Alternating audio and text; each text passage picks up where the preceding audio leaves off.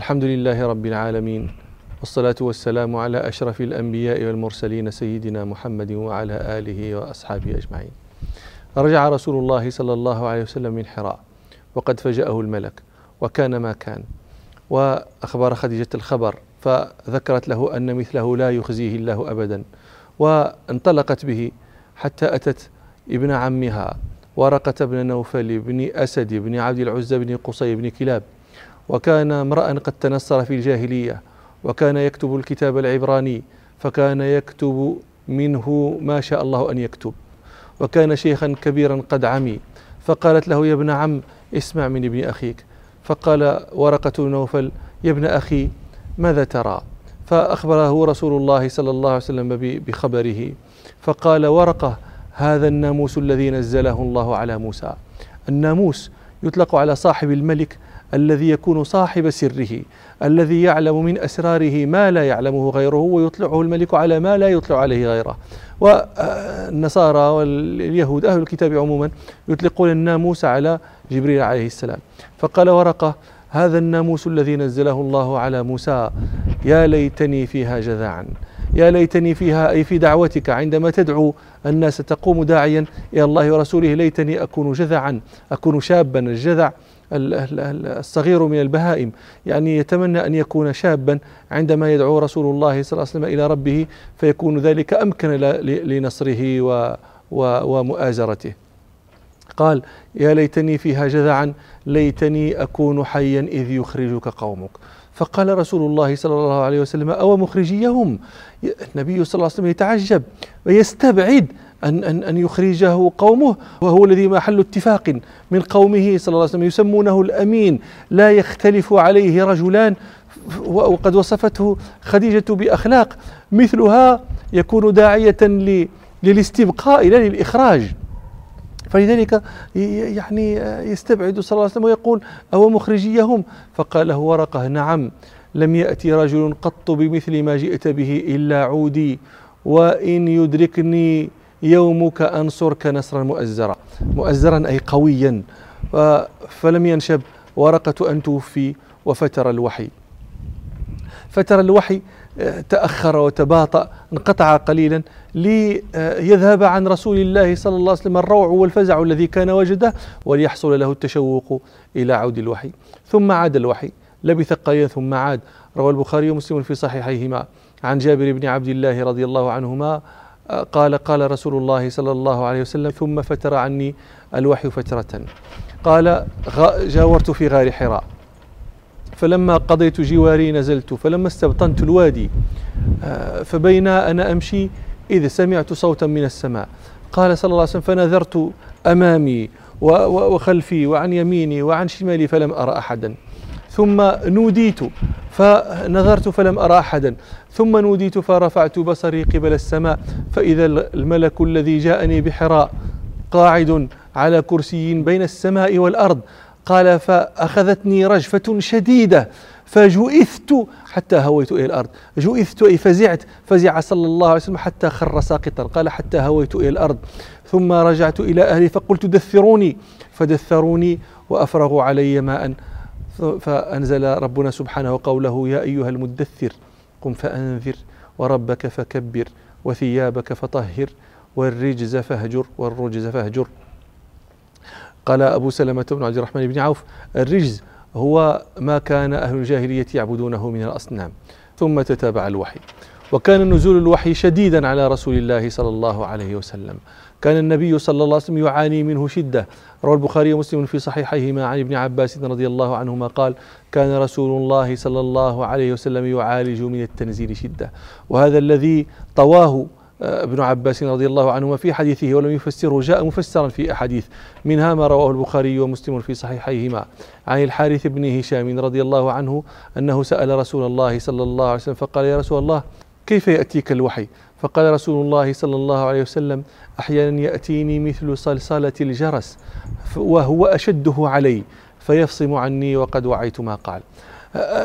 وقوله صلى الله عليه وسلم وهو أشده علي يعني أن غير هذه الهيئة من هيئات الوحي شديدة أيضا لكن هذه أشدها لأنه عندما يقال هذا أشد شيء علي أو هذا أشد من هذا معنى ذلك أن كليهما شديد أن أن كلا منهما فيه شدة لكن رجحت شدة أحدهما على الآخر.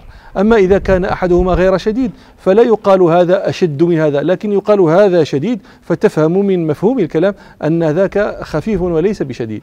فقال قوله صلى الله عليه وسلم وهو أشده عليه يدل على أن كل طرائق الوحي التي كانت تأتيه صلى الله عليه وسلم شديدة ولكن هذا أشدها. فقال صلى الله عليه وسلم فيفصم عني أي يرتفع وينجلي هذا الذي تغشاني من الوحي فيفصم عني وقد وعيت ما قال. وأحيانا يتمثل لي الملك رجلا فيكلمني فأعي ما يقول. قالت عائشة رضي الله عنها ولقد رأيته ينزل عليه الوحي في اليوم الشديد البرد فيفصم عنه وإن جبينه ليتفصد عرقا. هذه أيضا تبين الشدة شدة الوحي على النبي صلى الله عليه وسلم. تقول عائشة رضي الله عنها رأيته ينزل عليه الوحي في اليوم الشديد البرد. من زار مدينة رسول الله صلى الله عليه وسلم في زمن البرد فإنه يعرف هذا الذي تتحدث عنه عائشة رضي الله عنها. في اليوم تقول هي في اليوم الشديد البرد فيفصم عنه ينجلي عنه وإن جبينه صلى الله عليه وسلم ليتفصد عرقا. يتفصد هذا الفصد هو قطع العرق لإخراج ما فيه من من من الدم. والدم يخرج بعد الفصد يخرج من العرق غزيرا. فهي تقول تمثل كثرة العرق المتصبب من جبين من جبين رسول الله صلى الله عليه وسلم تشبهه كأن كأن عروق رأس رسول الله فصدت فيسيل منها هذا سيلانا آه، غزيرا. فتقول وإن جبينه ليتفصد عرقا. فهذا يدل كثرة العرق هذه تدل على شدة المعالجة منه صلى الله عليه وسلم للتنزيل النازل عليه. ثم تقول هي في اليوم الشديد البرد وهذا أبعد للعرق ومع ذلك فجبين رسول الله صلى الله عليه وسلم يتفصد عرقا. ويدل على ذلك أيضا حديث الإفك الطويل عند البخاري ومسلم في صحيحيهما وفي آخره تقول عائشة رضي الله عنها ثم تحولت على فراشي وأنا أرجو أن يبرئني الله.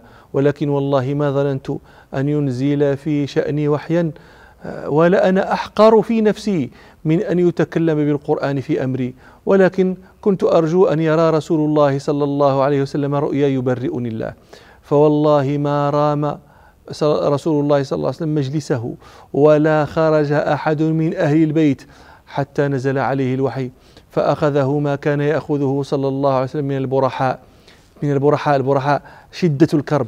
قالت حتى إنه صلى الله عليه وسلم لا ينحدر منه مثل الجمان من العرق في يوم شات مثل الجمان من العرق في يوم شات يوم بارد ينزل فيه المطر.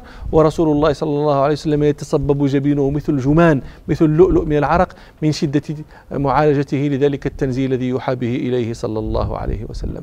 من ثقة القول الذي ينزل عليه. ومثل ذلك ما روى البخاري في صحيحه عن زيد بن ثابت رضي الله عنه أن رسول الله صلى الله عليه وسلم أملى عليه لا يستوي القاعدون من المؤمنين والمجاهدون في سبيل الله. هذه الآية من سورة النساء من سورة النساء. نقرأها حين نقرأها آه، هكذا. لا يستوي القاعدون من المؤمنين غير أولي الضرر والمجاهدون في سبيل الله بأموالهم وأنفسهم. لكن لما نزلت أولا نزلت كما جاء في في هذا الحديث البخاري. لا يستوي القاعدون من المؤمنين والمجاهدون في سبيل الله من غير قوله سبحانه غير أولي الضرر. قال أملى عليه رسول الله صلى الله عليه وسلم لا يستوي القاعدون من المؤمنين والمجاهدون في سبيل الله. قال فجاءه ابن أم مكتوم وهو يملها علي يملها أي يمليها علي.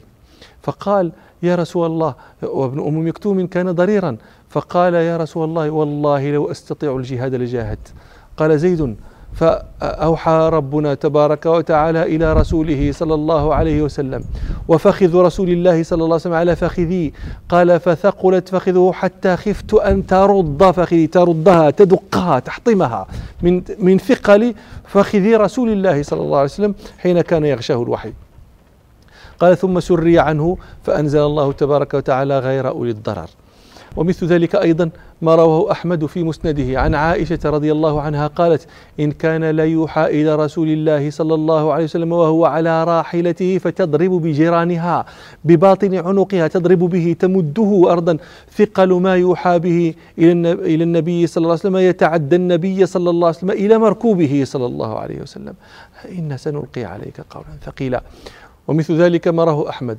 في مسنده عن أسماء بنت يزيد رضي الله عنها قالت إني لآخذة بزمام العضباء ناقة رسول الله صلى الله عليه وسلم إذ أنزلت عليه سورة المائدة كلها فكادت من ثقلها تدق بعضد الناقة.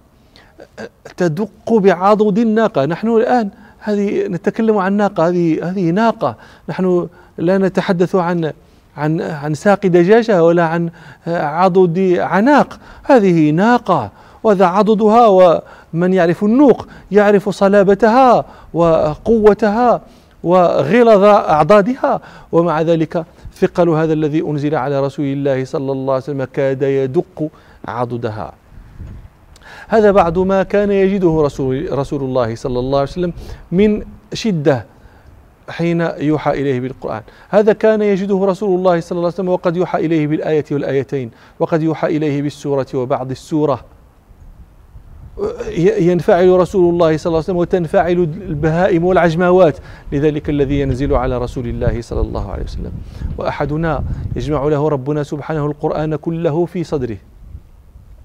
فلا يقدره قدره ولا يرفع به رأسا ويرى أن غيره ممن أوتي حظا من الدنيا وبسطة فيها. ولم يؤت قرآنا أنه قد أوتي خيرا منه وأن الذي حواه في كيسه أعظم من الذي حازه هذا بين جنبيه.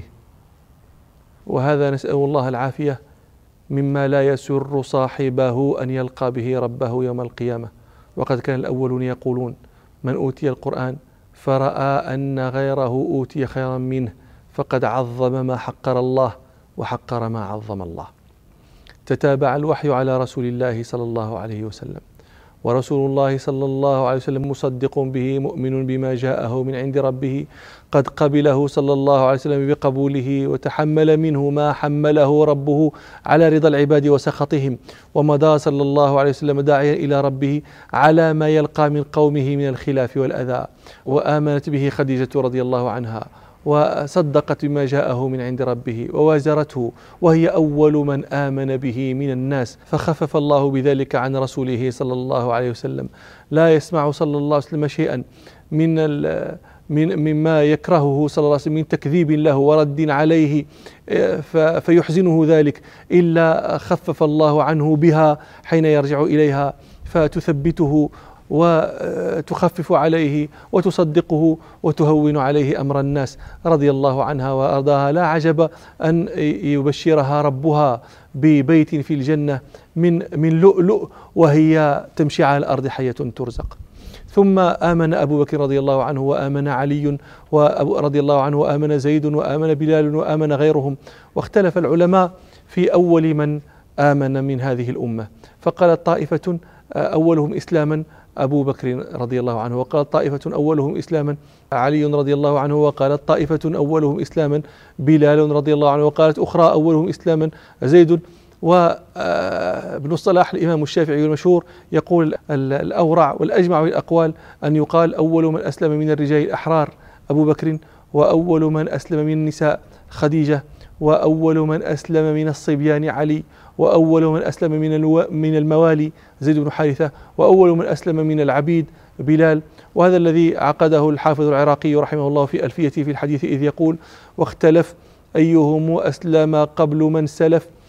قيل أبو بكر وقيل بل علي ومدعي إجماعه لم يقبل لأن بعضا ادعى أن عليا آه، آه، هو أول من أسلم إجماعا. وهذا طبعا الإجماع غير صحيح. قال ومدعي إجماعه لم يقبل وقيل زيد وادعى وفاقا بعض على خديجة اتفاقا. وهذا هو الأصح أن خديجة رضي الله عنها أول من أسلم.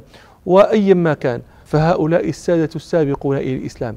إنما سبقوا وأسلموا أولا بعد فضل الله عليهم ورحمته بهم بسبب أن الدعوة أولا كانت سرا ثم إن هؤلاء كانوا محيطين برسول الله صلى الله عليه وسلم في محيطه في كانوا قريبين منه في الجاهلية. خديجة رضي الله عنها تسلم أولا. لماذا؟ لأنها زوجته وقد مكثت معه قبل نبوته خمس عشرة سنة. آه علي رضي الله عنه لماذا يكون من أوائل من أسلم؟ لأنه كان في حجر النبي صلى الله عليه وسلم في الجاهلية. قبل أن يبعث النبي صلى الله عليه وسلم كان علي رضي الله عنه, رضي الله عنه معه. إنهم يذكرون أن آه، قريشا كانت أصابتها أزمة شديدة. وكان أبو طالب كثير العيال. فيقال إن رسول الله صلى الله عليه وسلم دعا عمه العباس وكان عباس من أيسر بني هاشم. فقال له يا عباس قد أصاب الناس ما ترى من هذه الأزمة وإن أخاك أبا طالب كثير العيال. فانطلق بنا إليه. نخفف عنه من عياله. تأخذ أنت رجلا من بنيه وآخذ أنا رجل من بنيه يعني حتى ينكشف عن الناس. هذا الذي هم فيه.